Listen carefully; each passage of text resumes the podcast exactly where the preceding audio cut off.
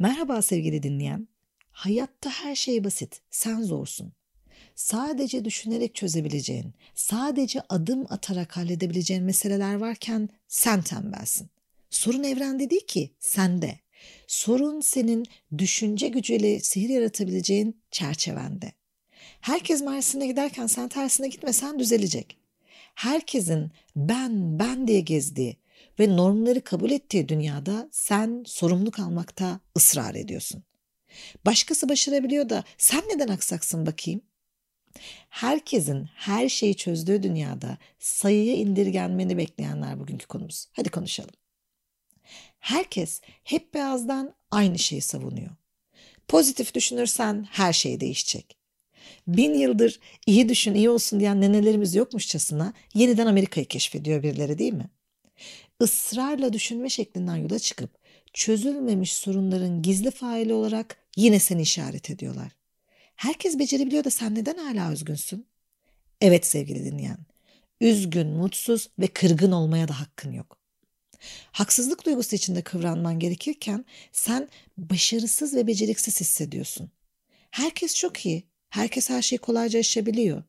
İki aforizma, üç motivasyon konuşması, beş aktivite derken bir bakmışsın ki düzelmişler. Sen beceremiyor, sen yetemiyorsun sana sunulan sonuçlarla bir yere almaya belki de. Formüllerle çevrildin. Hangi açıdan baksan ona göre bir özel üçgen var. Herkes uygun ve şık iç açılar cenneti. İç acılarını göz ardı et. Herkesin izlediği yolu izler. Doğru düşünürsen her şey yoluna girecek. Düşüncede pozitif olmanın altın anahtar sayıldığı ve her kapıyı açtığı günümüzde sen yetersiz ve eksik sayılıyorsun. Ne kadar basit, ne kadar kolay olsa. Hep iyi, güzel ve motive edici düşüneceksin. Şık bir takımı geçirir gibi geçireceksin pozitif düşünce üstüne. Slogan cümlelerin, kol düğmelerin olacak. Herkesce onaylanmış çerçeveler, kravatın. Hedeflerden gömlekler geçireceksin içine. Onaylanmış güvenli kararların kemerini takacaksın beline. Yanlış kararlarına yazında kalmamak için denenmiş çözümlerden ceketleri sarılacak, uzun mesafeler kat edebileceğin bilindik kumaşlardan pantolonları tercih edeceksin bu takımda. Yani doğru şekilde ilerlersen güvende ve iyisin. Bu kadar basit mi gerçekten? Etrafında bunca yoksunluk, yoksulluk, öfke ve nefret dolu insan, şiddet, haksızlık, umarsızlık gibi toplumsal ruh sağlığını bozan şeylerin varlığı yetmiyor gibi. Kendin getirdiğin geçmişten yüklere sahipken arsızca tüm suçu sana yükleyecekler öyle mi? Çünkü izlemen gereken yolu izlemeyecek kadar safsın. Pozitif düşün mutlaka. Karar al karar. Bak o önemli. Hemen şimdi bir karar al ve hatta koşmaya başla. Koşarken uygula ve yeni hedefler de düşün bu arada. Düşün düşün boş durma. Sağlıklı beslen. Spor yapmayı unutma. Otobüs durağına koşmak bedava. Koş. Bu arada yoldaki turunçları da kes bir yandan. Turunç mevsimi şimdi. Ağaçlardan taze turunç topla. Ekşisini yaparsın. Gitgide tuhaflaşan. Sözde psikolojini düzeltme yönelik bu söylemler sana tek bir şey söylüyor. Sıkıntı toplumda ya da çevrende değil, sende. İyi değilsen bu senin suçun. Herkes gibi iyi olmanın bir yolunu bulamayacak kadar beceriksizsin. Çırpındığın ve sonu gelmeyen savaşlarla geçen, belki de yoksulluk ya da yoksunlukla, nefret ya da reddiyelerle, ait olmadığın kuşatılmışlıklarla çevrili bir hayatın var ve sen bundan dolayı mutsuzsan sorun yine sende. Hay Allah, yılın bu zamanları tam da bu sene hayatın için bir şey yap. Hayal kur, hedef belirle ve hemen harekete geç zamanları. Boğaz'da palamut, kişisel gelişim ve motivasyonda arınma, harekete geçme, hedef koyma zamanıdır yılbaşı. Lüfer, palamut ve hamsilerin boğaza akın ettiği gibi insanlar akın eder üstüne. Yeni yılda hedeflerin neler? Yahu belki sen sadece hayatta kalmaya çalışıyorsun. Mevcudu korumak bile bir hedef bazı zorlayıcı şartlarda. Öyle değil mi? Bu topluluğa göre değil. Bu topluluğa göre her sene yeni ve büyük hedeflerin, görkemli ilerleyişlerin olmalı. Seni iyi hissettiren, ayağa kaldırıp devam etmek için çabalayan o iyi niyetli seslerden bahsetmiyorum. Bilinçli ya da bilinçsiz olarak seni düşünmeye indirgeyen, hiç ihtiyacın yokken ve üstüne üstlük halin kalmamışken o beceriksiz hissettiren genel düşüncesizliğe değinmek amacım. Sen sadece düşünen bir varlık değilsin. Bedenin, ruhun ve zihninle tamamıyla bir bütünsün. Yaşadıklarını sadece zihninle algılamıyorsun. Sırf mutlu olmadığın için birdenbire işini bırakmak, mantıklı göremediği ama deli gibi aşık olduğu birinden ayrılmak, çok yoğun çalıştığı için kanepe yığılacak son takati spora harcamak düşünce de oldukça mantıklı gelebilir. Muhtemelen doğrudur da.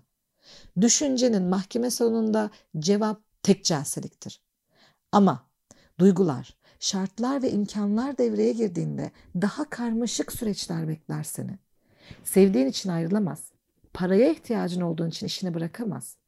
İşin ve maaşın engellediğinden spora gidemez. Elindeki telefondan sana doğru düşünürsen hayatının yoluna gireceğini söyleyen insanları izlersin. Yaz kızım, geriye düşünüldü. Suçlu düşünme tarzın. Bu kadar çok düşünmesen, dolan başlı yollara girmesen her şey düzelecek. Alt metne bak. Zorlukları oluşturan ve işleri berbat eden sensin. Yani sen bir sorun üretme mekanizması olmasan hayat güllük gülistanlık. Sen sırtında travmaları olan bir geçmiş sepeti taşıyorsan, doğuştan zor bir yerden geldiysen, hayat yolculuğun sıkıntılı rotalardan geçtiyse bile tüm problemleri üreten sensin. Acımasızca geliyor bu bana sevgili dinleyen. Çok acımasızca.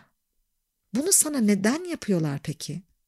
Çünkü düşünmeye dikkat çektiğinde diğer süreçleri dinlemek zorunda kalmıyor karşıdaki. Bir sorun dinlenecekse sadece kendisi dinlensin istiyor.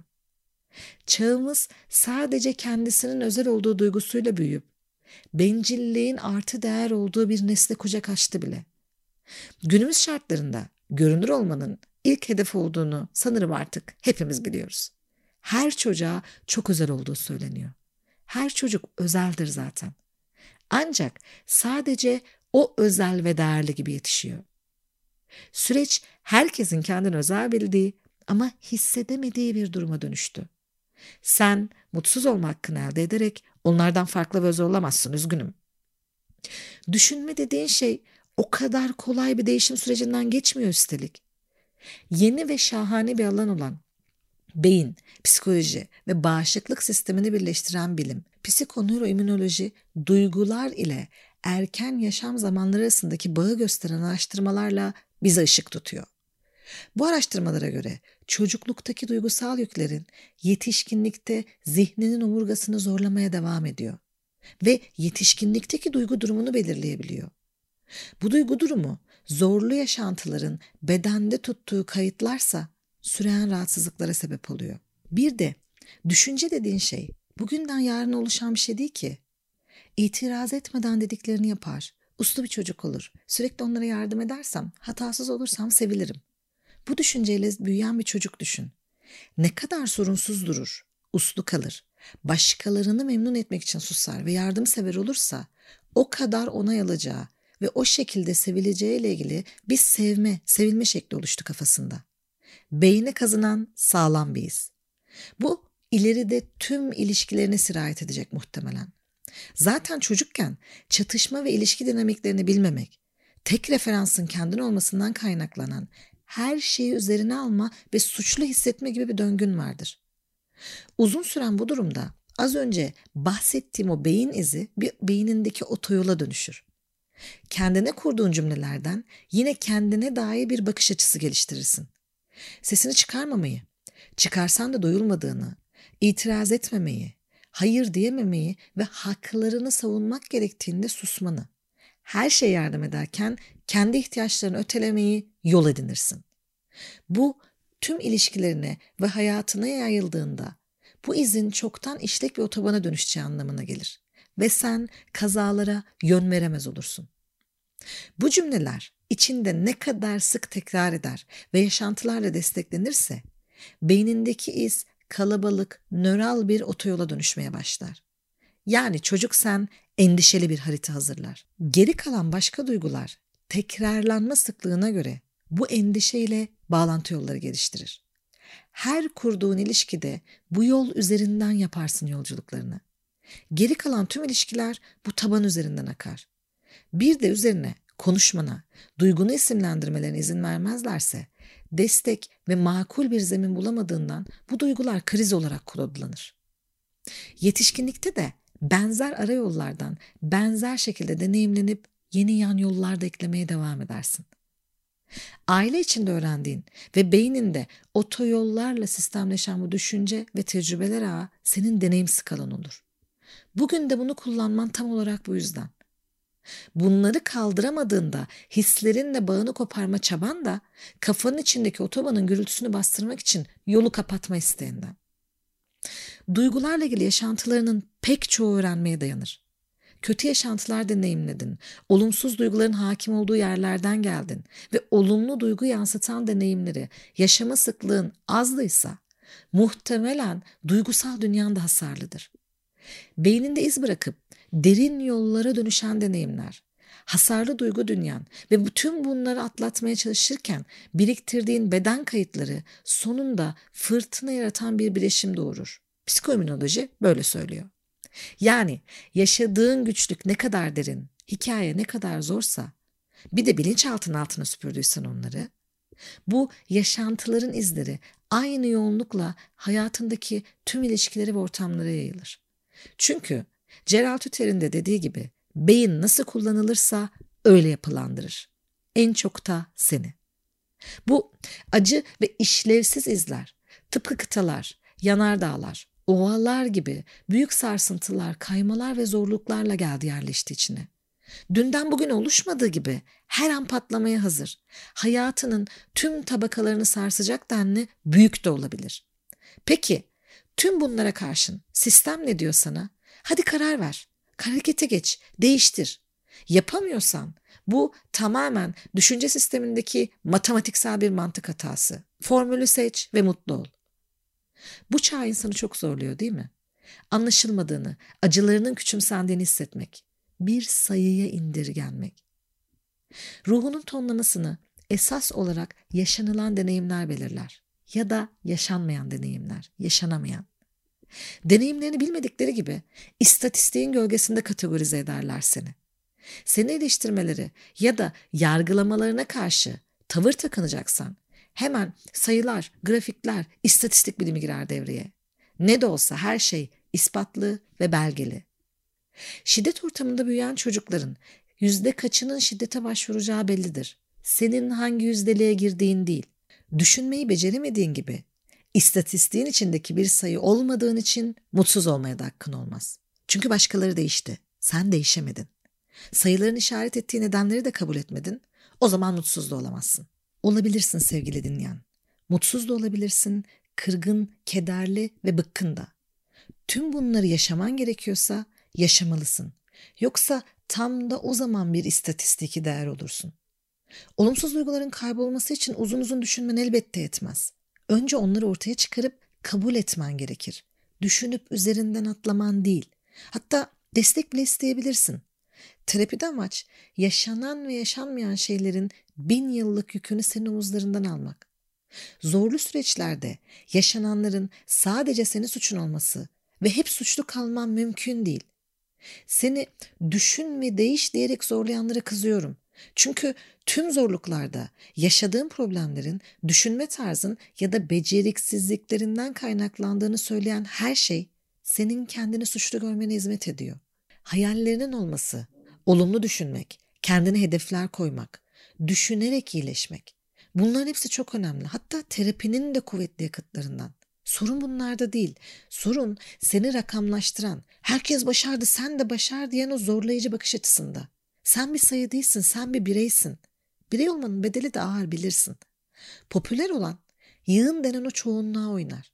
Bu tek bir çerçevenin içinde kalmak, çoğunluğun çizgisine, beğenisine, ihtiyaçlarına yaklaşmak riski taşıyabilir. Çoğunluk senin hikayene uymuyorsa yeni bir beyin izi oluşturana dek hatayı ve suçu kendinde aramaktan vazgeç. Beyninde hüküm süren otoyollar gişelerine kilit vurularak değil, yeni yollar kurup oradan ilerlememenle işlevsiz hale gelir. Kendine söylediklerini değiştirmen, kendini anlamanla mümkün. Gerçekten ne olduğunu görüp mevcut şartlarında elinden geleni yapmak Yeni izler elde etmek için yeni deneyimlere açık olmak, yeni yollar ve yeni yolculuklar anlamına gelecek senin için. Ve iyi de bir haberim var sana. Güçlüklere karşı aşılısın. Zor yollardan geçenler kriz durumlarında iyi performans gösteren, çözüm üreten, dayanıklı insanlar olur. Hatta bazıları güçlenerek çıkma yeteneğine sahiptir krizlerden. Zorlayıcı tecrübeler, süreçten bu unsurlara karşı koruyan direnç antikorlarıyla çıkmanı sağlayabilir yani. Sorunlu olan sen değilsin. Suçlu olan sen değilsin. Sadece düşünce yoluyla hayatını kontrol edip iç ve dış dünyayı düzenleyemezsin. Çocukluğunda ve bugüne dek gelen yaşantılarında seni etkileyen her şey, dış dünyanın iç kağıdına fırlattığı her mürekkep bir iz bırakma potansiyeline sahip. Bunları bertaraf etmeden sadece pozitif düşünceyle aşacağını düşünerek kendini kandırırsın. Ancak kabul eder. Yaşadıklarının beyninde bıraktığı izleri yenileriyle değiştirirsen düşünce dünyanda değişmeye başlar. Bunun aksi durum ruh, zihin ve bedenden oluşan hayat omurgana eklenen deneyim tablonu azımsamak ve hikayeni eksik görmekten başka bir şey değil. O yüzden kendi hikayene sahip çıkıp eksiklerinle çoğalmadığına kimseye aldırmadan sen yürümelisin. Merak etme. O zaman hemen güzel bir şekilde zevkle harekete geçeceksin.